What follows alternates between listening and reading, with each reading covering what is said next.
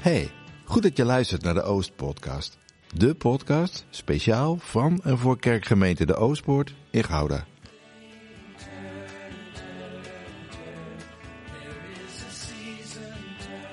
Met deze podcast willen we gemeenteleden een podium geven, waardoor we hem of haar beter leren kennen.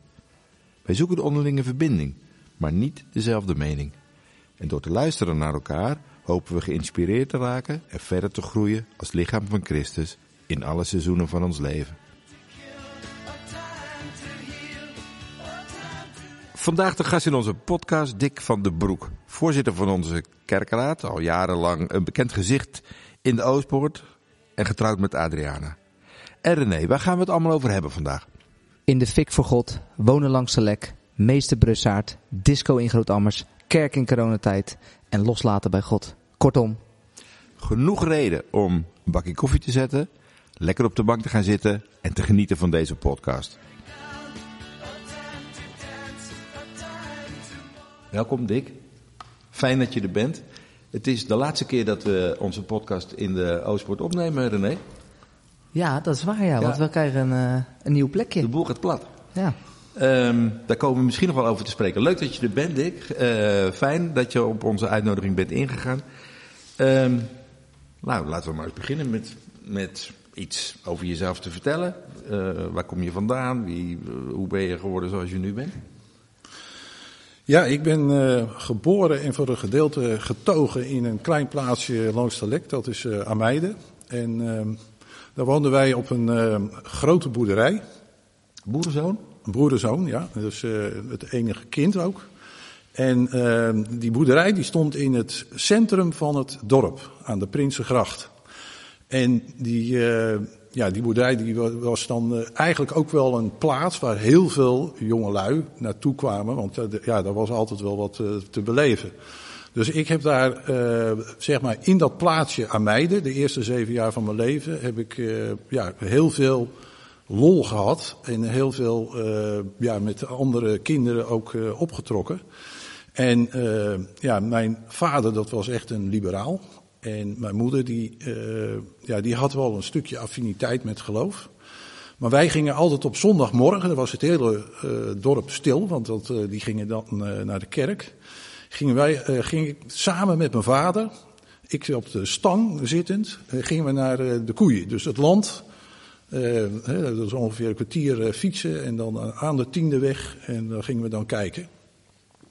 En eh, ja, ik, eh, ik kan zeggen dat, eh, eh, zeg maar, dat heeft mij eh, in zoverre gevormd. Mijn ouders hadden het heel druk. Dat je dus als kind eh, heel eh, inventief wordt om jezelf dan ook eh, ja, een plaatsje te geven. Daarna heeft mijn vader die boerderij verkocht. Dus En na, toen na, die- na die zeven jaar. En na die zeven jaar, ja. Dus, eh, en toen zijn we gaan wonen in een ander plaatsje langs de Lek. Dat is eh Groot Ammers. En toen heeft hij eigenlijk zijn droom eh, hè, van om in de, in, in de zakenwereld eh, te gaan. Dat heeft hij dan, eh, hij was een jaar of 47. eh, om, eh, om dat te gaan doen. Dus eh, toen heeft hij dus eh, een bedrijf eh, samen met een paar andere mensen opgezet om eh, auto's en eh, tractoren te verkopen. En, eh, ja, en toen ben ik dus opgegroeid in Groot-Ammers. Ook weer zo'n heel christelijk dorp. Ja. Want dat is, eh, dat is inderdaad wel zo. Kleine, gesloten gemeenschap. Ja, de- ja maar er zijn wel veel zakenmensen ook. Oké. Ja, je, je hebt daar heel veel eh, ja, mensen die eh, ondernemend zijn.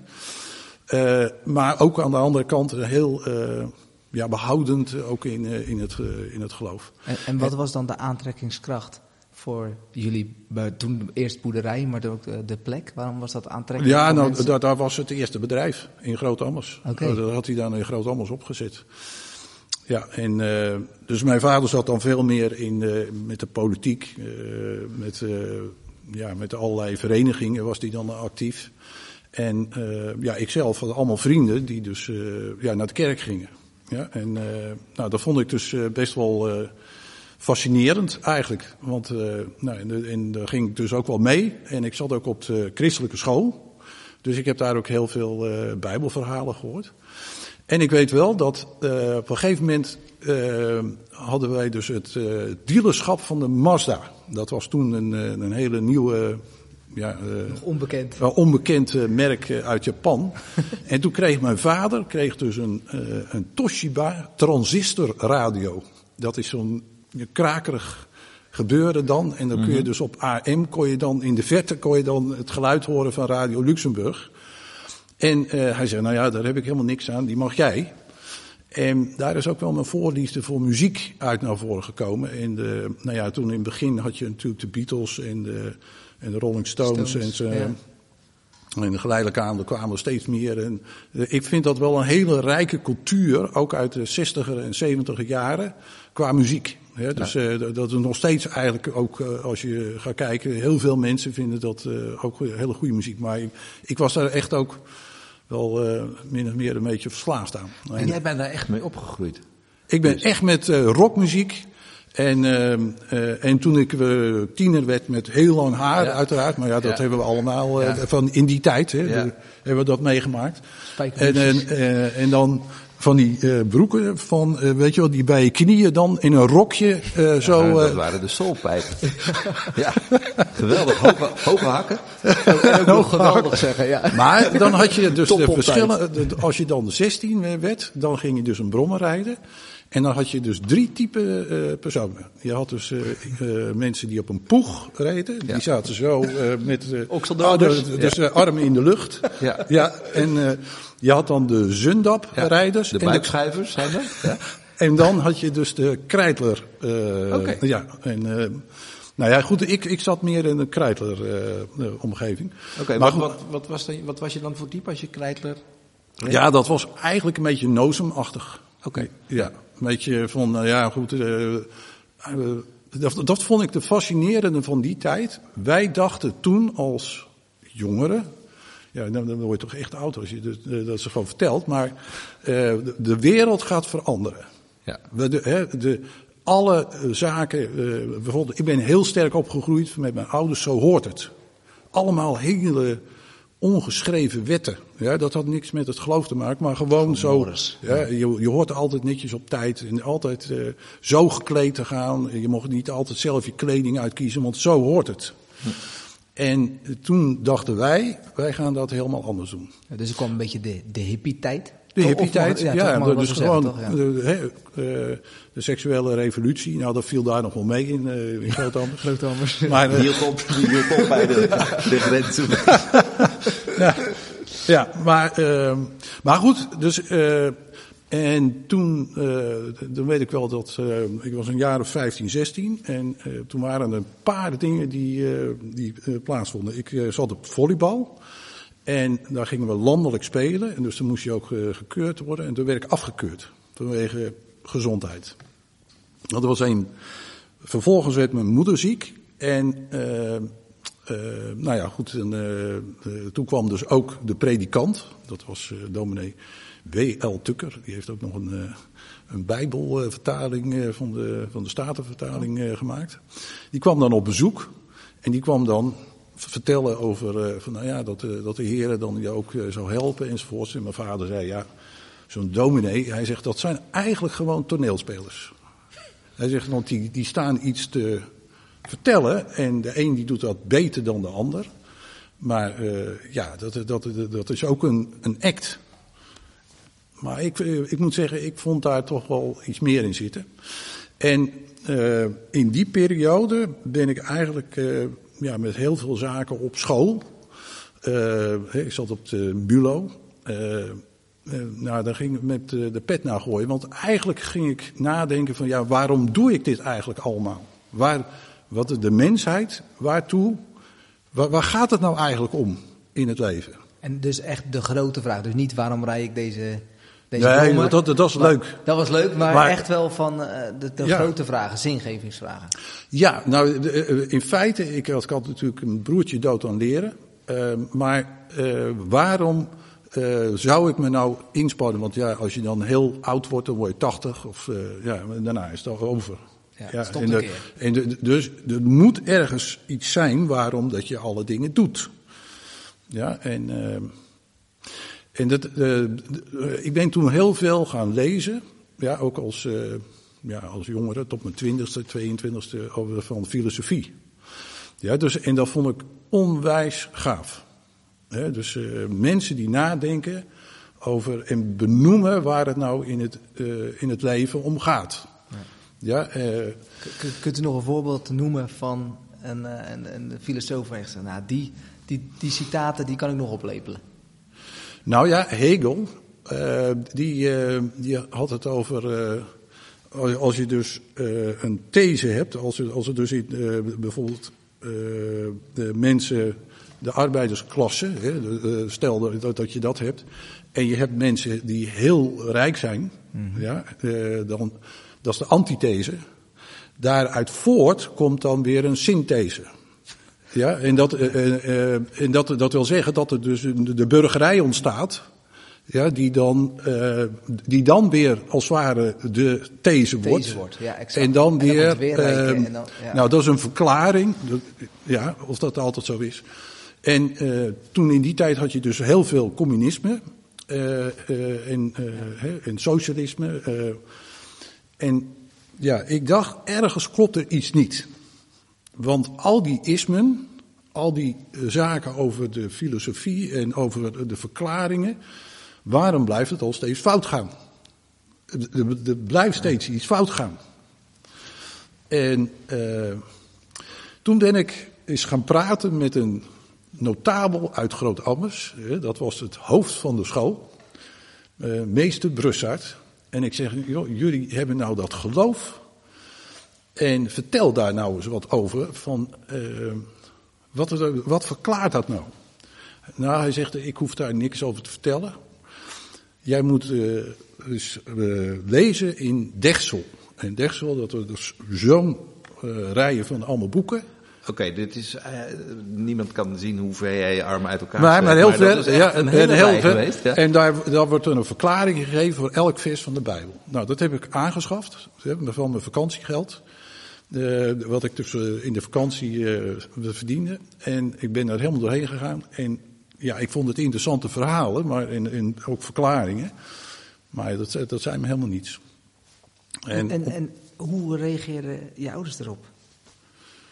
Nou, mijn vader vond het allemaal eh, natuurlijk eh, onzin. Nou ja, En mijn moeder die, die, die, vond het eh, wel interessant. die keek wel mee. Ja, die, die keek ook wel EO en zo, eh Henk Binnendijk. Oh ja. Dus ehm ja, nou, de, de- En- En vrienden? Vrienden hoe... vrienden die, ja, die, die, die vonden het ook natuurlijk bizar. Ja. Die gingen altijd wel naar de kerk, maar ja, dat, dat, dat, dat doe je niet. Nou ja, goed. eh, dus maar ik, ik vond dat interessant, omdat, eh, omdat je dan toch... En uiteindelijk, eh, ja, je natuurlijk veel meer dingen gedaan. Wat- wat- uiteraard met die muziek ben ik ook aan de slag gegaan, een discotheek opgezet en zulke soort dingen. Maar dat, dat Een is- discotheek in Groot Ammers? ja, en ja in, een, in een gebouwtje. Dat deden we dan in een gebouwtje van de. dat was zo'n zo'n noodlokaal van school. En dat stond dan ergens op een terrein waar later huizen gebouwd eh, werden. En, dat, en daar draaide je dan plaatjes. En, eh, en, dan, eh, en dan zelf had je lichtorgels, weet je wel. dat, dat kon je zelf maken, solderen. En dan begon het dus op de maat van de muziek begonnen er allemaal lampjes te branden en zo. En, En, en, en grote opkomst, neem ik aan. Ja, ja, dat- dat- heel natuurlijk, groot, dat is heel hartstikke- groot Ammers eh, liep uit. Ja. Dat, zeg maar een hele simpele dans. ja, dat, dat was. Eh, ja, nee, dat, dat- was ook ontzettend leuk. Maar goed, eh, uiteindelijk ben ik door een buurjongen uitgenodigd om een keer mee te gaan naar een eh, evangelische jongerengroep. Dat noemden ze toen de tijd een koffiebar en in Papendrecht. En ja, daar werd het evangelie zo uitgelegd dat ik dacht van ja, maar dit is het antwoord. Dit is het. De, het feit dat je dus alles kunt verklaren, eh, ja, maar doordat je dus niet kan aanwijzen waar, wat de oorsprong is dat dingen fout gaan, ja, dat, nou, dat heeft Jezus gezegd, van, joh, dat, dat los ik op. Dat los ik op. Want dat, kun je, dat, dat- zit in de mens, dat, kan de mens zelf niet oplossen. Daarom gaan er zoveel dingen fout. Er is er haat, er is er eh, onrecht, er is er eh, van allerlei dingen. Ik dacht, nou jongens, dat ik dat toch nooit eerder, in al die tijd dat ik die boeken gelezen heb, dat kwartje is niet gevallen. En eh, ja, ik kwam tot geloof. En ja, nou, die, Heilige Geest overviel me gewoon. Ik stond gewoon in, in de fik. Gewoon zo. Maar denk je niet dat die, het, feit, het feit dat, die boeken, dat je die boeken las, dat je met vrienden het er misschien wel eens over had, dat je nadacht met, met die existentiële vragen, dat dat allemaal omploegen was en dat het, Ja, toen je daar kwam, dat het zo erin kon stromen. Zeg. maar. ja. ja, dat denk ik wel. Ja, dat, Ja. eh, achteraf gezien is dat zo. Mooi. Ja. Ja. Dus je kijkt terug, eh, hoe, hoe oud was je toen, toen dat, dat het in Ja, de fik gaat? dat was in eh, maart 78. Dus toen was ik eh 23. Ah, mooi, ja. Ja. zat toen op de HTS. Ja. Ja. Dus 23 jaar in de fik, terugkijkend, heeft God eigenlijk elke keer piketpaaltjes neergezet. Ja, dat zijn van die mooie dingen. Ja. Ja. dat is een mooi. Ja, dat- zo kun je het zeggen. Ja. Ja. Ja. Ja. Ben je toen ook betrokken geraakt bij de kerk en heb je een visie ontwikkeld op kerk zijn? Ja, ja ik ben eh, toen in eerste instantie naar de evangelische gemeente gegaan. En eh, daar is natuurlijk heel sterk eh, de werking van, eh, van de geest en de, en de gaven van de geest. Eh, Dat, er, er kwam heel veel ja, daarop op uit. En ook de visie op Israël. Nou, ik heb een enorme liefde voor Israël daar ook, hè, omdat het Gods oogappel is. Ja. ja, en dus ook, je zegt, ik stond, ik stond toen ook in de fik. En dat werd dan dus daar ook wel echt eh, op de juiste manier gevoed dan ook? Of? Ja, maar dat uitte zich meer dat je dus eh, dat wilde delen met andere mensen. Dus ik ben in evangelisatie oh ja. eh, gegaan, veel naar het buitenland ook geweest om eh, te evangeliseren.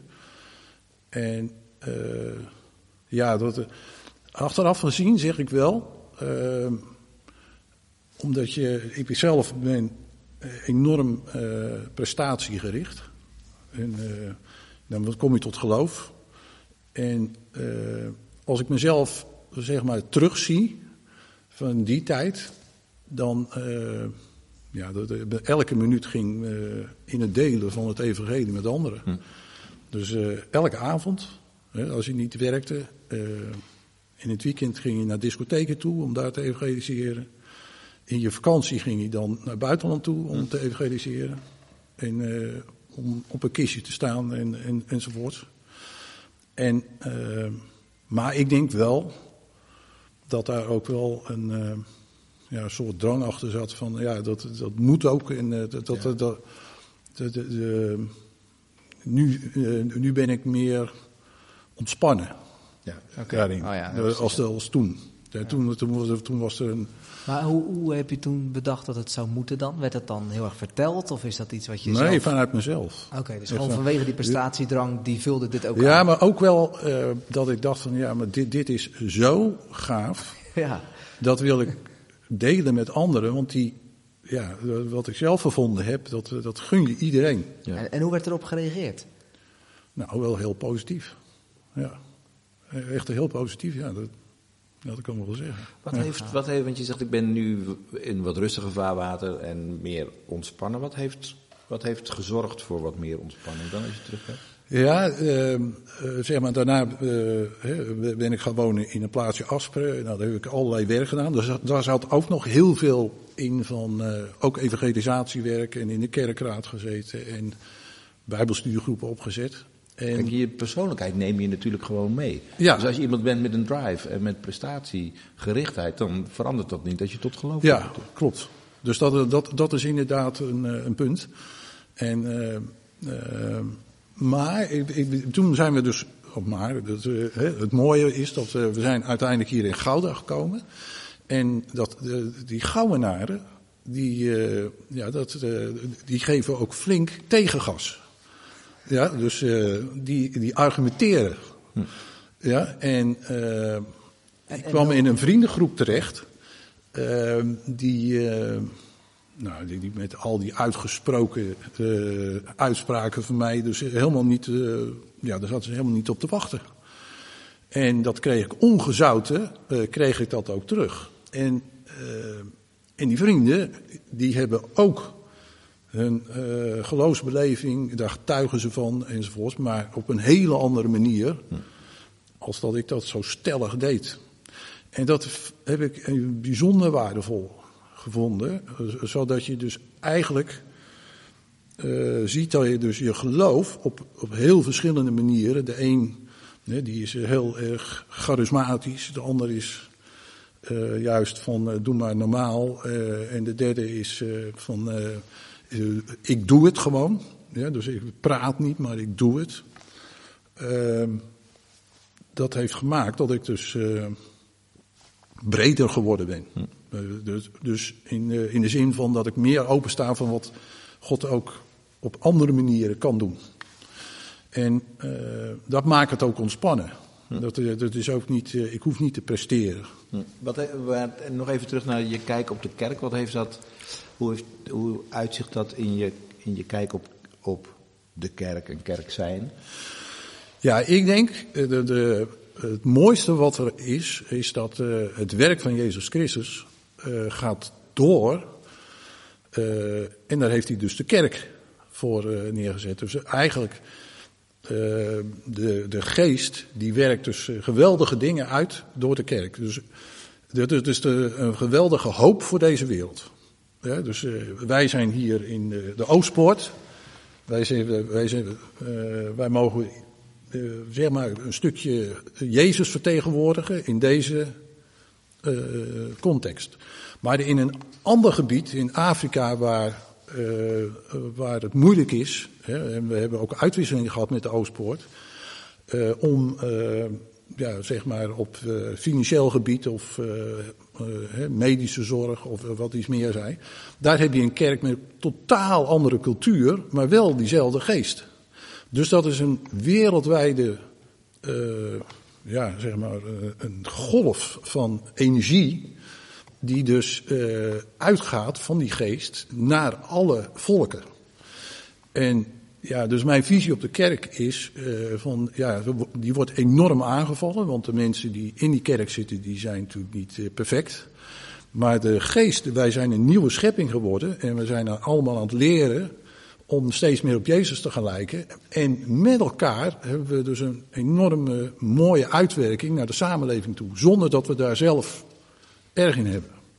Dus eh, ja, de kerk is een heel mooi, zuiverend eh, instituut, eh, nee, instituut, een levend mechanisme, waardoor de, de, ja, dat we tot zegen van de mensheid en waar Jezus, hè, die- dus het, de weg, de waarheid en het leven is, eh, gewoon ja, doorheen werkt. Dus eh, dat is mijn visie op de kerk. En, eh, en ja, wij doen dat eh, door eh, eerst door psalmen te zingen. En Nu, eh, daarna zijn we met gezangen begonnen. En nu hebben we bandjes die dus ook opwekkingsliederen eh, zingen. Ja, dus eh, de culturen zijn allemaal verschillend. Maar de uitwerking, ja, dat is, dat is, eh, ja, dus dat is mijn visie op de kerk. En Ja, daarom ben ik ook heel positief, omdat God zelf daar doorheen werkt. Ja, dan, Ja. als ik dan, want ik, ja goed, wij, jullie zien het niet luisteraars, maar wij zien het wel. Wij zien een bepaalde passie ontstaan. We zien ogen die gaan fonkelen, die wil vertellen over, eh, over wat Jezus doet, over de geest die doorwerkt, die ook uitwerking heeft. Bij mij komt wel de vraag op, althans eh, de vraag, eigenlijk de gedachte ook wel op van, ja, maar ik zie ook wel veel kritiek. Zeker ook als we het hebben over de coronatijd. We zijn een soort, ja, je zei van, we zijn echt een lichtbron. Eh, We zijn, zon- zonder dat we het altijd doorhebben. Maar als ik terugkijk en als ik dat hoor, denk ik ook wel, er zijn ook veel mensen die, ja, ongezout, maar ook wel echt een hele harde, heftige mening hebben over die lichtbron. Is dat dan ehm, op zo'n visie die u heeft, of die je hebt, is dat dan een soort van eh, deprimerend? Of denk je van nee, eh, juist niet. Het werkt ah, misschien juist wel de andere kant op. Ja, ik, ik denk dat als mensen eh, kritiek hebben op de kerk, ja, of, eh, of op een persoon, dat, kan, dat vind ik wat anders, hè, maar eh, kritiek hebben op de kerk, dan eh, zit daarachter iets van eh, dat je een verwachting hebt die daar niet uitkomt. Ja, dus je hebt een verwachting van de kerk, of je bent aan het zoeken en je vindt het nog niet. Nee. Ja, eh, Dus, het- Dus daar het zit een hart achter wat aan het zoeken is. Ja, precies. Ja. Dus er is nog steeds motivatie. Dus het is niet Ja, van... Oh, ik vind wordt- dat positief. Juist, het is gewoon... Oh, het is wel, ja, Ik exact. vind dat Dus wel positief. Als mensen ja. niet meer reageren, dan, ja, dan is het, eh, dat, dat, dat, dat is jammer. Dus als mensen reageren, dan, ja, dan kun je dus ja, zeggen, wat, wat, eh, wat leeft er nou bij jou? Ja. In de intro zeiden we al, ehm, dat je ook voorzitter bent van eh, onze kerkraad. Hoe, hoe is dat voor jou om, om eh, leiding te geven aan eh, de kerkraad? Misschien ook wel een beetje sturing, het gezicht naar buiten toe te zijn. Hoe is dat? Ja, ik eh, vind de kerkraad, eh, nou, dat is een, in de Oostpoort zijn dat ongeveer eh 25 of 27 mensen in totaal. Eh, een representatie van, van onze gemeente. Eh, er gebeuren eh, ontzettend mooie dingen in onze gemeente. En wij als kerkraad, wij komen regelmatig bij elkaar in gebed. Maar ook gewoon dat we heel veel discussie hebben over bepaalde onderwerpen. En de laatste tijd, eh, ja, er staan een heleboel dingen eigenlijk best wel even eh, ja, op de agenda. Dus, eh, hè, dus we hebben eh, een vacature van predikant. We, we zitten hier in de Oostpoort. Dit is de, de laatste keer dat eh, hier een podcast opgenomen wordt. Omdat we in de eerste zandzakken liggen hier al binnen. Ja. Eh, Ja, ja, moeten via de containers moesten we de, deur, de voordeur opzoeken. Ja, dus eh, we zijn bezig met, eh, eh, met gebouw om dat te verbeteren. En we hebben coronatijd, waar we dus ook elke keer toch wel weer even de bakens moeten verzetten. En wat het mooie is van de, van de kerkenraad, is dat we met elkaar over iets na gaan denken. En dat er dan vanzelf eh, iets naar boven komt. Waarvan we allemaal zeggen van ja, dat, eh, dat is de richting die we moeten gaan. En eh, dus als ik daar eh, als voorzitter ben je meer faciliterend daarin, als dat je dus daarin sturend eh, bent. Alleen als er dus bepaalde zaken niet heel duidelijk naar boven komen, dan kun je met een voorstel komen en zeggen, nou zouden we dan, ik beluister dit en ik beluister dat, zullen we dan dit zo formuleren? En dan, eh, dan, is dat eigenlijk de, de rol van de voorzitter. Lig je er wel eens wakker van? Ehm, af en toe wel. Af en toe wel. Nou, ja, dan ben je dus zo bezig met een, eh, even met een bepaald onderwerp. Dat je af en toe denkt van, nou ja, eh, hoe gaan we dat aanpakken? Want ja, wij zijn als gemeente soms ook een soort spagaatclub, zeg maar. Eh, met, ja, en dat is, dat is ook wel weer de- het mooie ervan, maar ook het lastige. Daarom vraag ik het van. ehm, ja, uit, we, hebben nou eenmaal in onze gemeente mensen die aan de ene kant van het spectrum zitten. We hebben een grote club in het midden, maar ook mensen aan de andere kant van het spectrum. Ja, En Ja. dat lijkt me wel eens lastig om dat schip altijd maar in het midden te houden. ja nou, de, eh, we hebben eh, zeg maar voor Tanno een predikant gehad, eh, Bob Kessen, die zei, als ik het goed citeer, we zijn allemaal één in Jezus Christus. En- Eenheid in hoofdzaken, vrijheid in bijzaken. Ja. Ja. en dat ervaar ik heel sterk en dat vind ik heel gaaf. En dat is eigenlijk ook ontspannend. Ja, zeker. Ja, het, Ja. het doet me inderdaad, het, herinnert me aan wat je net vertelt over hoe je dus ook met, die, met je eigen persoonlijke situatie om met, bent gegaan hier, toen je hier in Gouden kwam. Ja. Ja, dus iedereen had een andere mening en uiteindelijk ben je wat meer gaan laveren en meer gaan snappen van, oh hey, die mening is ook net zo waardevol als die andere mening. En laten we hier met elkaar over nadenken, overleggen en we komen tot een bepaalde ja, status quo, misschien wel een bepaalde richting, een bepaalde keuze. Ja. Ja, mooi. Maar als je dan toch wakker ligt. Wat, wat Ja, maar er dat zegt meer iets over mezelf. dus dat, Dat is. je eh, er serie- er gewoon heel serieus mee bezig bent. ja, Ja. ja. dan, eh, dan, eh, dan, zit, dan zit je zelf nog van, nou ja, wat, eh, wat zou nou het beste zijn? En eh, nou, ik vind het altijd dan heerlijk om eh, daar ook over te bidden en eh, het dan eh, uiteindelijk bij God te laten. Maar soms ga je eerst door een proces heen. Wacht even, hoe, uiteindelijk bij God te laten. Hoe doe je dat? Nou, dat, dat- dat- soms ben je met een bepaald onderwerp. En nou kan ik dat niet zo, zo snel meer zeggen van welk onderwerp. Want, maar dan, dan ben je zelf ook aan het malen van, nou ja, wat, wat zou nou de beste voor, eh, voor ons als gemeente zijn? En dat je dan, eh, eh, je weet ook wat er, wat er zo speelt. Eh, en dan, eh, dan denk je van nou, oké, wat zou dat beste zijn? En dan uiteindelijk kom je dan ook zover dat je zegt van nou, ik geef het over aan, de- aan de Heer en eh, ik ga verder met datgene waar we mee bezig waren en dat komt goed. En ik moet zeggen, dat zegt meer iets over mezelf. Want eigenlijk, uh, uh, nou, ik vind gewoon de, de kerkraad, uh, zoals ik die nu twee jaar ken, een hele gave club. Echt, ja, we, we hebben natuurlijk de laatste tijd heel weinig contacten met elkaar. Ik had ook gedacht toen ik voorzitter werd van nou, ik ga iedereen individueel spreken. Of, of per geleding, hè, dus diakenen, kerkrentmeesters enzovoorts apart. Maar dat, dat ga ik ook nog doen. Maar ja, echt een heel positieve club. Ja. Je zei net al even dat een van de uitdagingen van deze tijd is corona. Um, maar je zei ook van, um, ja, dat is, het is misschien niet eens zo heel erg, die, die uh, of hoe, nou ja, ik weet niet meer precies hoe je het zei.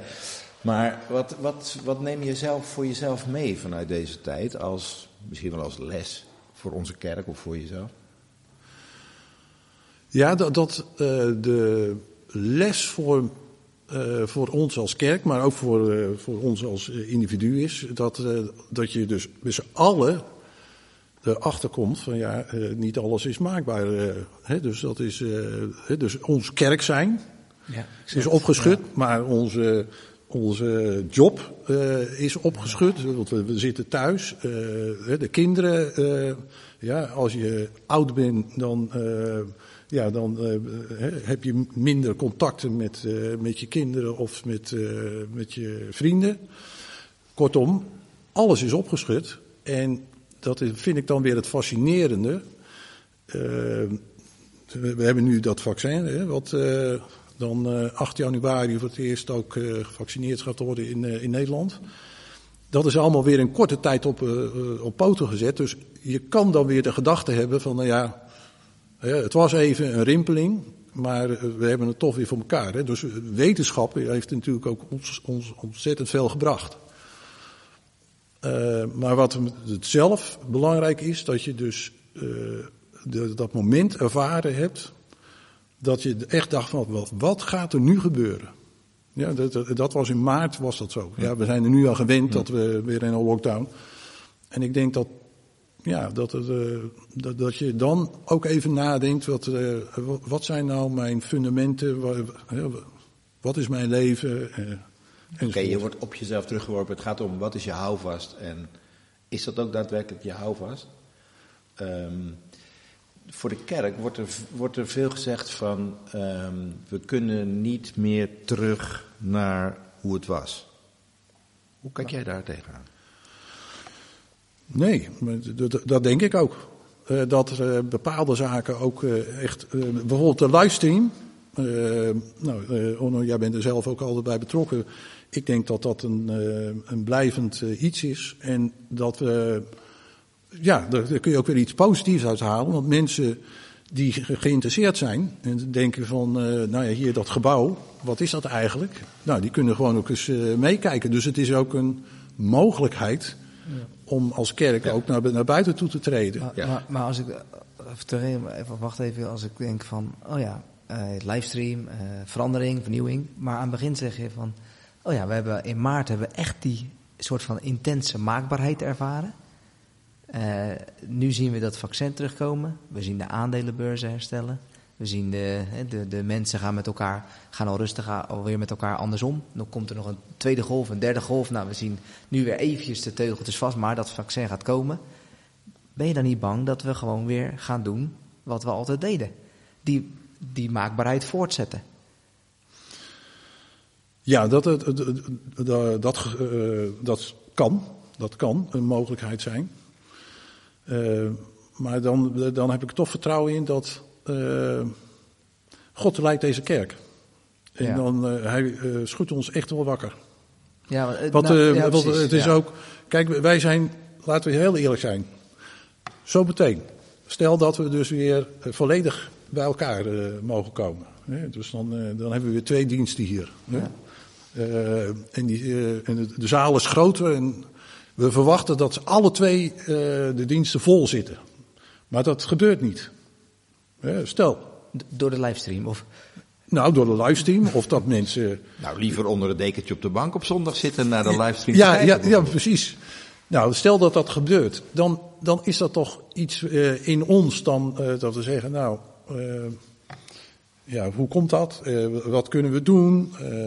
nou, laten we ook ja, daarvoor bidden en dat mensen niet afgehaakt zijn. Dat kan ook wel eens een keer zoiets zijn van, het nou, kan motiveren, kan weer een boost zijn. Het kan weer ja, dat we met elkaar gaan zoeken van, ja. heer, wat, wat moeten we nu doen? Ja. En, maar, maar, maar vooraf, ja, dus het is we... niet zo dat comfortabele. Nee, maar als we dan nu al kijken naar dat, dat mogelijk... Nou kijk, het is bijna hypothetisch, hè. Maar stel dat het inderdaad gaat gebeuren. We hebben straks eigenlijk, nou, we dachten twee diensten voor, zit maar één dienst vol. Die tweede, die tweede dienst was bijna niet nodig. Ja. we gaan weer naar de middeldienst, omdat we dan nog een tweede dienst hebben. Even gek gezegd. Um, wat zou je dan nu vooraf tegen ons willen zeggen? Van waarom moeten wij, of moeten... Waarom zouden we, en ik weet al, mijn eigen antwoord heb ik wel, maar waarom zouden we naar de kerk moeten? Waarom willen, moeten we terug en is dat dekentje waar we nu lekker warm onder zitten, eentje om weer te verlaten en weer terug te komen naar deze plek? Ja, waar, waarom zitten we hier nu bij, bij elkaar met z'n uh, drieën, hè, op uh, gepaste afstand? De, we kunnen elkaar in de ogen kijken. Ja, uh, we zien details van emotie of van, juist van enthousiasme of iets dergelijks ja, we, mensen vinden het gewoon fijn om eh, bij elkaar te komen. Ja. En uh, wat ik heel positief vind, is dat we, we hebben die app uh, geïntroduceerd. Ja. En uh, ik hoop dat we eigenlijk dit komend weekend, het is nu 22 of 23. Het is nu 22 december. 22 december, dus, dus komend weekend hopen we dus de 400ste zeg maar te onboorden. Ja, en, uh, en die krijgt mogelijk ook een bloemetje. De honderdste kreeg ook een bloemetje, hoorde ik. Dat was wel een leuk idee. Ja, ja. Okay, nou, ja, in ieder geval meld je aan, eh, luisteraar. Het kan zomaar zijn dat je een bloemetje maar, krijgt. Dus dat is positief dat mensen toch uh, iets hebben van, nou ja, we willen, uh, en daar willen we dus ook initiatieven meenemen. Dus ja, dus inderdaad, het, het kan zo zijn dat sommige mensen, dat je die mist. Ja. Nou, misschien zoeken we mensen op. En, ja. Ik las laatst ergens, dat vond ik wel mooi. Ehm, de, de, de, we moeten kerkleden niet zozeer zien als consumenten. Dat de kerk uh, voor iemand is, maar de kerk is van ons, zeg maar. En dat, dat zeg jij ook. En, en, en ik denk dat is de, de oproep dan ook. Ik wist niet, weet niet of dat ook jouw antwoord was. Nee, van zeker, waarom moeten we ja. naar de kerk? Nee, we moeten ja, bij elkaar zijn. Om bij elkaar te zijn. En elkaar ook vooral te stimuleren en te motiveren om ook het uh, zeg maar de liefde weer een gezicht te geven, ook naar die zondag. Ja. ja. ja. en dan dus ook wat, wat Dick aan het begin zegt, die kerk te worden die dat licht weer uitstraalt weer, die, ja, die ja, soms uh, op uh, manieren die we zelf ook niet weten, maar toch die plek zijn waar mensen moeten zijn. Ja, toch? Ja, ja wij zeiden van tevoren uh, iets van, het mag best een broekplaats van liefde genoemd worden. Ja. Maar hoe, ja, hoe geven we dat uh, zeg maar goed vorm. Dat vind ik altijd wel spannend. Uh, maar goed, dat gaan we zien. Nu zit er niemand in de kerk op zondag. Dus. um, heb jij daar zorgen over? Dick, als, je, als we dat nog zeggen, na, als, als het allemaal straks weer mag en we gaan naar die blokkenlocatie en we mogen weer samenkomen, hoe we dat dan vormgeven. Moet het weer gewoon terug naar hoe het was? Of moeten we daar toch een twist aan gaan geven? Of moeten we daar toch een soort andere invulling aan gaan geven? Moeten we een experiment omarmen? Of... Ja, wij hebben als kerkraad. Uh, Krijgen we nu een tipje van de sluier? Ja, nee, nee, nee, dat mag je gerust weten. We hebben vier weken of vijf weken geleden, hebben we dus in groepjes van uh, vier, maar het is allemaal via Teams gegaan, want dat, dat op een gegeven moment... Outbreak Rooms heette die geloof ik? Of, maar in groepjes van vier hebben ja. we dus nagedacht, uh, dus zes uh, groepen, uh, over van, nou ja, het kerk in coronatijd. van wat kunnen we nu doen? Ja, en wat, nou, we begonnen met gebed en, en gewoon brainstormen met elkaar. Nou, er kwamen allerlei ideeën uit. Maar alle zesde groep uh, hadden van we moeten eigenlijk, of we mogen eigenlijk in kleine groepjes elkaar gaan ontmoeten. Dat, dat zou het mooiste zijn, want dan heb je dus, uh, wij zitten hier nu met z'n uh, drieën om tafel, ja. maar dan heb je toch interactie en dan kun je het hebben over een boek wat je gelezen hebt, of je kunt het hebben over een hobby, of je kunt het hebben over een bijbelgedeelte, of je kunt bidden met elkaar. Maar alle zesde groepen, onafhankelijk van elkaar, kwamen daarop. Dus wij hebben toen gezegd, nou ja, dan gaan we ook uh, gestalte geven. Dus laten we eerst die app gebruiken. En dan in die app kunnen mensen ja, uh, ja, initiatieven nemen om te zeggen van nou, uh, ik kom op zondagmiddag altijd Cheer de Kosten tegen. die is dan aan het hardlopen. Ja. ja dus, en dan ben ik een rondje aan het fietsen. En dan, dan denk ik van nou, als ik aan het fietsen ben, dan kan ik zeggen van nou ik ga vanmiddag om twee uur ga ik even een rondje fietsen, gaat iemand mee. Maar Tjeerd die kan zeggen, ik ga dus een rondje hardlopen. En, uh, nou, dat, zoiets zou je kunnen doen, maar dat is een vorm. Uh, maar goed, dat kwam dus uit, uh, uit die zes groepen ja. van de kerkraad. Ja, mooi. En daar is die app natuurlijk eigenlijk een fantastisch medium voor. Want daar kan je heel makkelijk groepjes mee maken en je kan elkaar uitnodigen en ja. mee op sleeptouw nemen. Nou, en dan ben ik wel benieuwd, want nu communiceer je dit zo. Ik heb natuurlijk ook in de nieuwsbrief afgelopen week, heb je ook iets daarvan weergegeven. Van nou, dit is wat er uit die uh, sessies naar voren is gekomen toen de tijd. Um, ben ik wel benieuwd, hoe, hoe gaan jullie daar dan over communiceren? Is, het echt, is dit het, dat we daar zelf op initiatief op moeten nemen? Of zeggen nee, we, nee, we zullen eerst proberen zoveel mogelijk mensen aan boord te krijgen. En dan gaan we dus initiatieven nemen. Oké, gaaf. dus dan, uh, dan voorstellen van nou, je kunt dit het zo gebruiken, je kan het zo gebruiken. En uh, ja, dus dat, Ja. uh, dat gaan we dus uh, Nou, dat is- dat is wel echt begin een- volgend jaar doen. Ja. echt wel een vernieuwende manier van kerk worden dan. Of kerk Ja. zijn. Ja, mooi. We gaan een beetje naar het eind van het gesprek, denk ik. Ehm, is er nog iets waarvan je had gehoopt dat we daarover, daarover zouden hebben, maar dat nu niet aan bod is gekomen, Dick? Nee hoor, dus ik vind het geweldig. Nou, We het- het allemaal- Ja, ik wel, ja, natuurlijk. Eh, Want de vraag, we hebben ons, ons standaard rubriekje. Ja, Ja, zou het helemaal moet- vergeten. Ik zou het helemaal vergeten. Het, het rubriekje is natuurlijk dat... eh, Even uitleggen aan Dick. Ehm, Uiteraard. eh, er is namelijk, het is namelijk zo dat we sinds de eerste aflevering een rubriek hebben. Dat degene die te gast is een vraag stelt aan degene die die week daarna gaat komen. Afgelopen keer was Johannes de Geus, onze pianist. ehm, een van de pianisten, die, eh, die was hier te gast. En die, heeft, eh, die had een hele mooie vraag voor jou bedacht. Ik zag jou schrijven terwijl hij hem eh noemde. Zeker, ja. ja ik, ik Kan je nog hem nog steeds even scherp, ja. terughalen, de vraag? Ja, zeker. Hoe kan digitalisering het koninkrijk van God verder brengen? Dat is zijn vraag. En dat is zijn vraag vooral specifiek aan jou. En ik, nou goed, we hebben natuurlijk al een en ander wel over stream, livestream en zo besproken. Maar eh, nou, misschien eh, jouw idee daarover. Ja, ik denk dat eh, met de digitalisering kun je dus een veel grotere groep mensen bereiken. Dus als je bepaalde thema's hebt die, waarvan je zegt, nou dat wil ik de wereld insturen, dan zou dat heel makkelijk kunnen. Hè. Terwijl je, als je dus fysieke bijeenkomsten hebt, dat je dan maar een beperkte doelgroep hebt. Eh, creatieve mensen kunnen met, hè, met eh, digitale oplossingen ontzettend veel mooie dingen doen. Eh, ja, ik geloof dat ook evangelisatie, hè, dus Global Rise en, en allemaal zulke soort initiatieven. Ja, dat is gewoon geweldig. Als je aan het zoeken bent en je be- bent zomaar nog niet dat je een kerk kan vinden, ja, en dat is vaak een hele grote stap, dan kan je op internet al heel veel eh, vinden waar jouw vragen eh, beantwoord worden op een manier dat je het ook begrijpt. Ja. Ja, ik vind dat het is oneindig. Ja, in feite, de, de, de, de kerk, de wereldwijde kerk, kan daarmee eh, gevoed worden met digitaal. Dus ik vind het een goede vraag.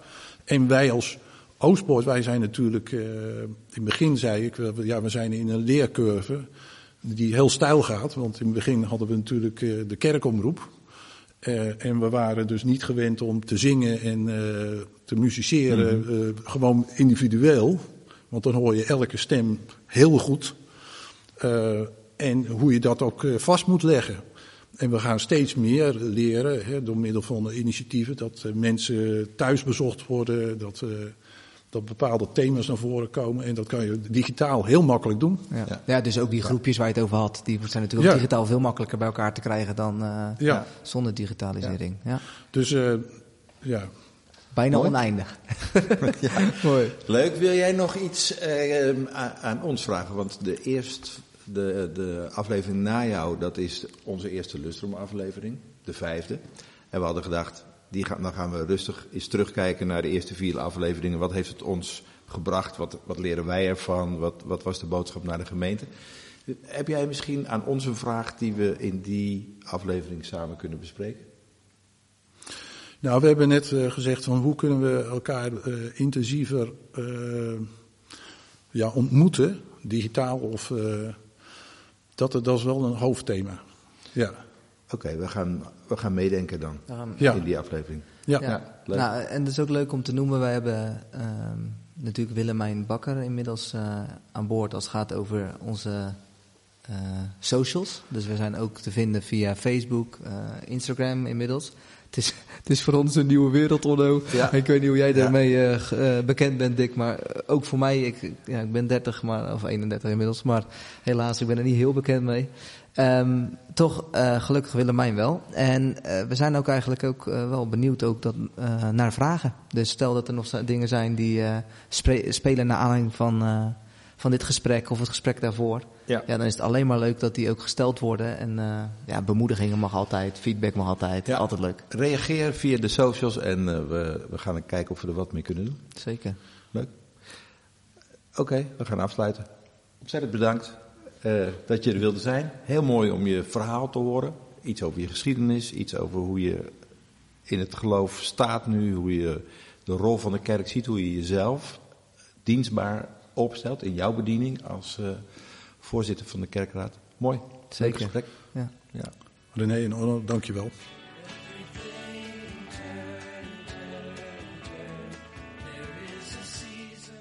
Bedankt voor het luisteren naar deze aflevering. Zoek ons vooral even op via Instagram en Facebook, het Oostpodcast. We zouden het erg leuk vinden als je een reactie achterlaat.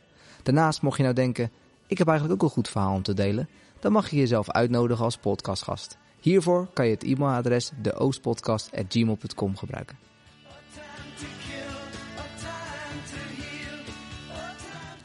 Deze podcast werd gemaakt door Orne Kastelein en René Rijm met technische ondersteuning van Bob Luursema en Willemijn Bakker.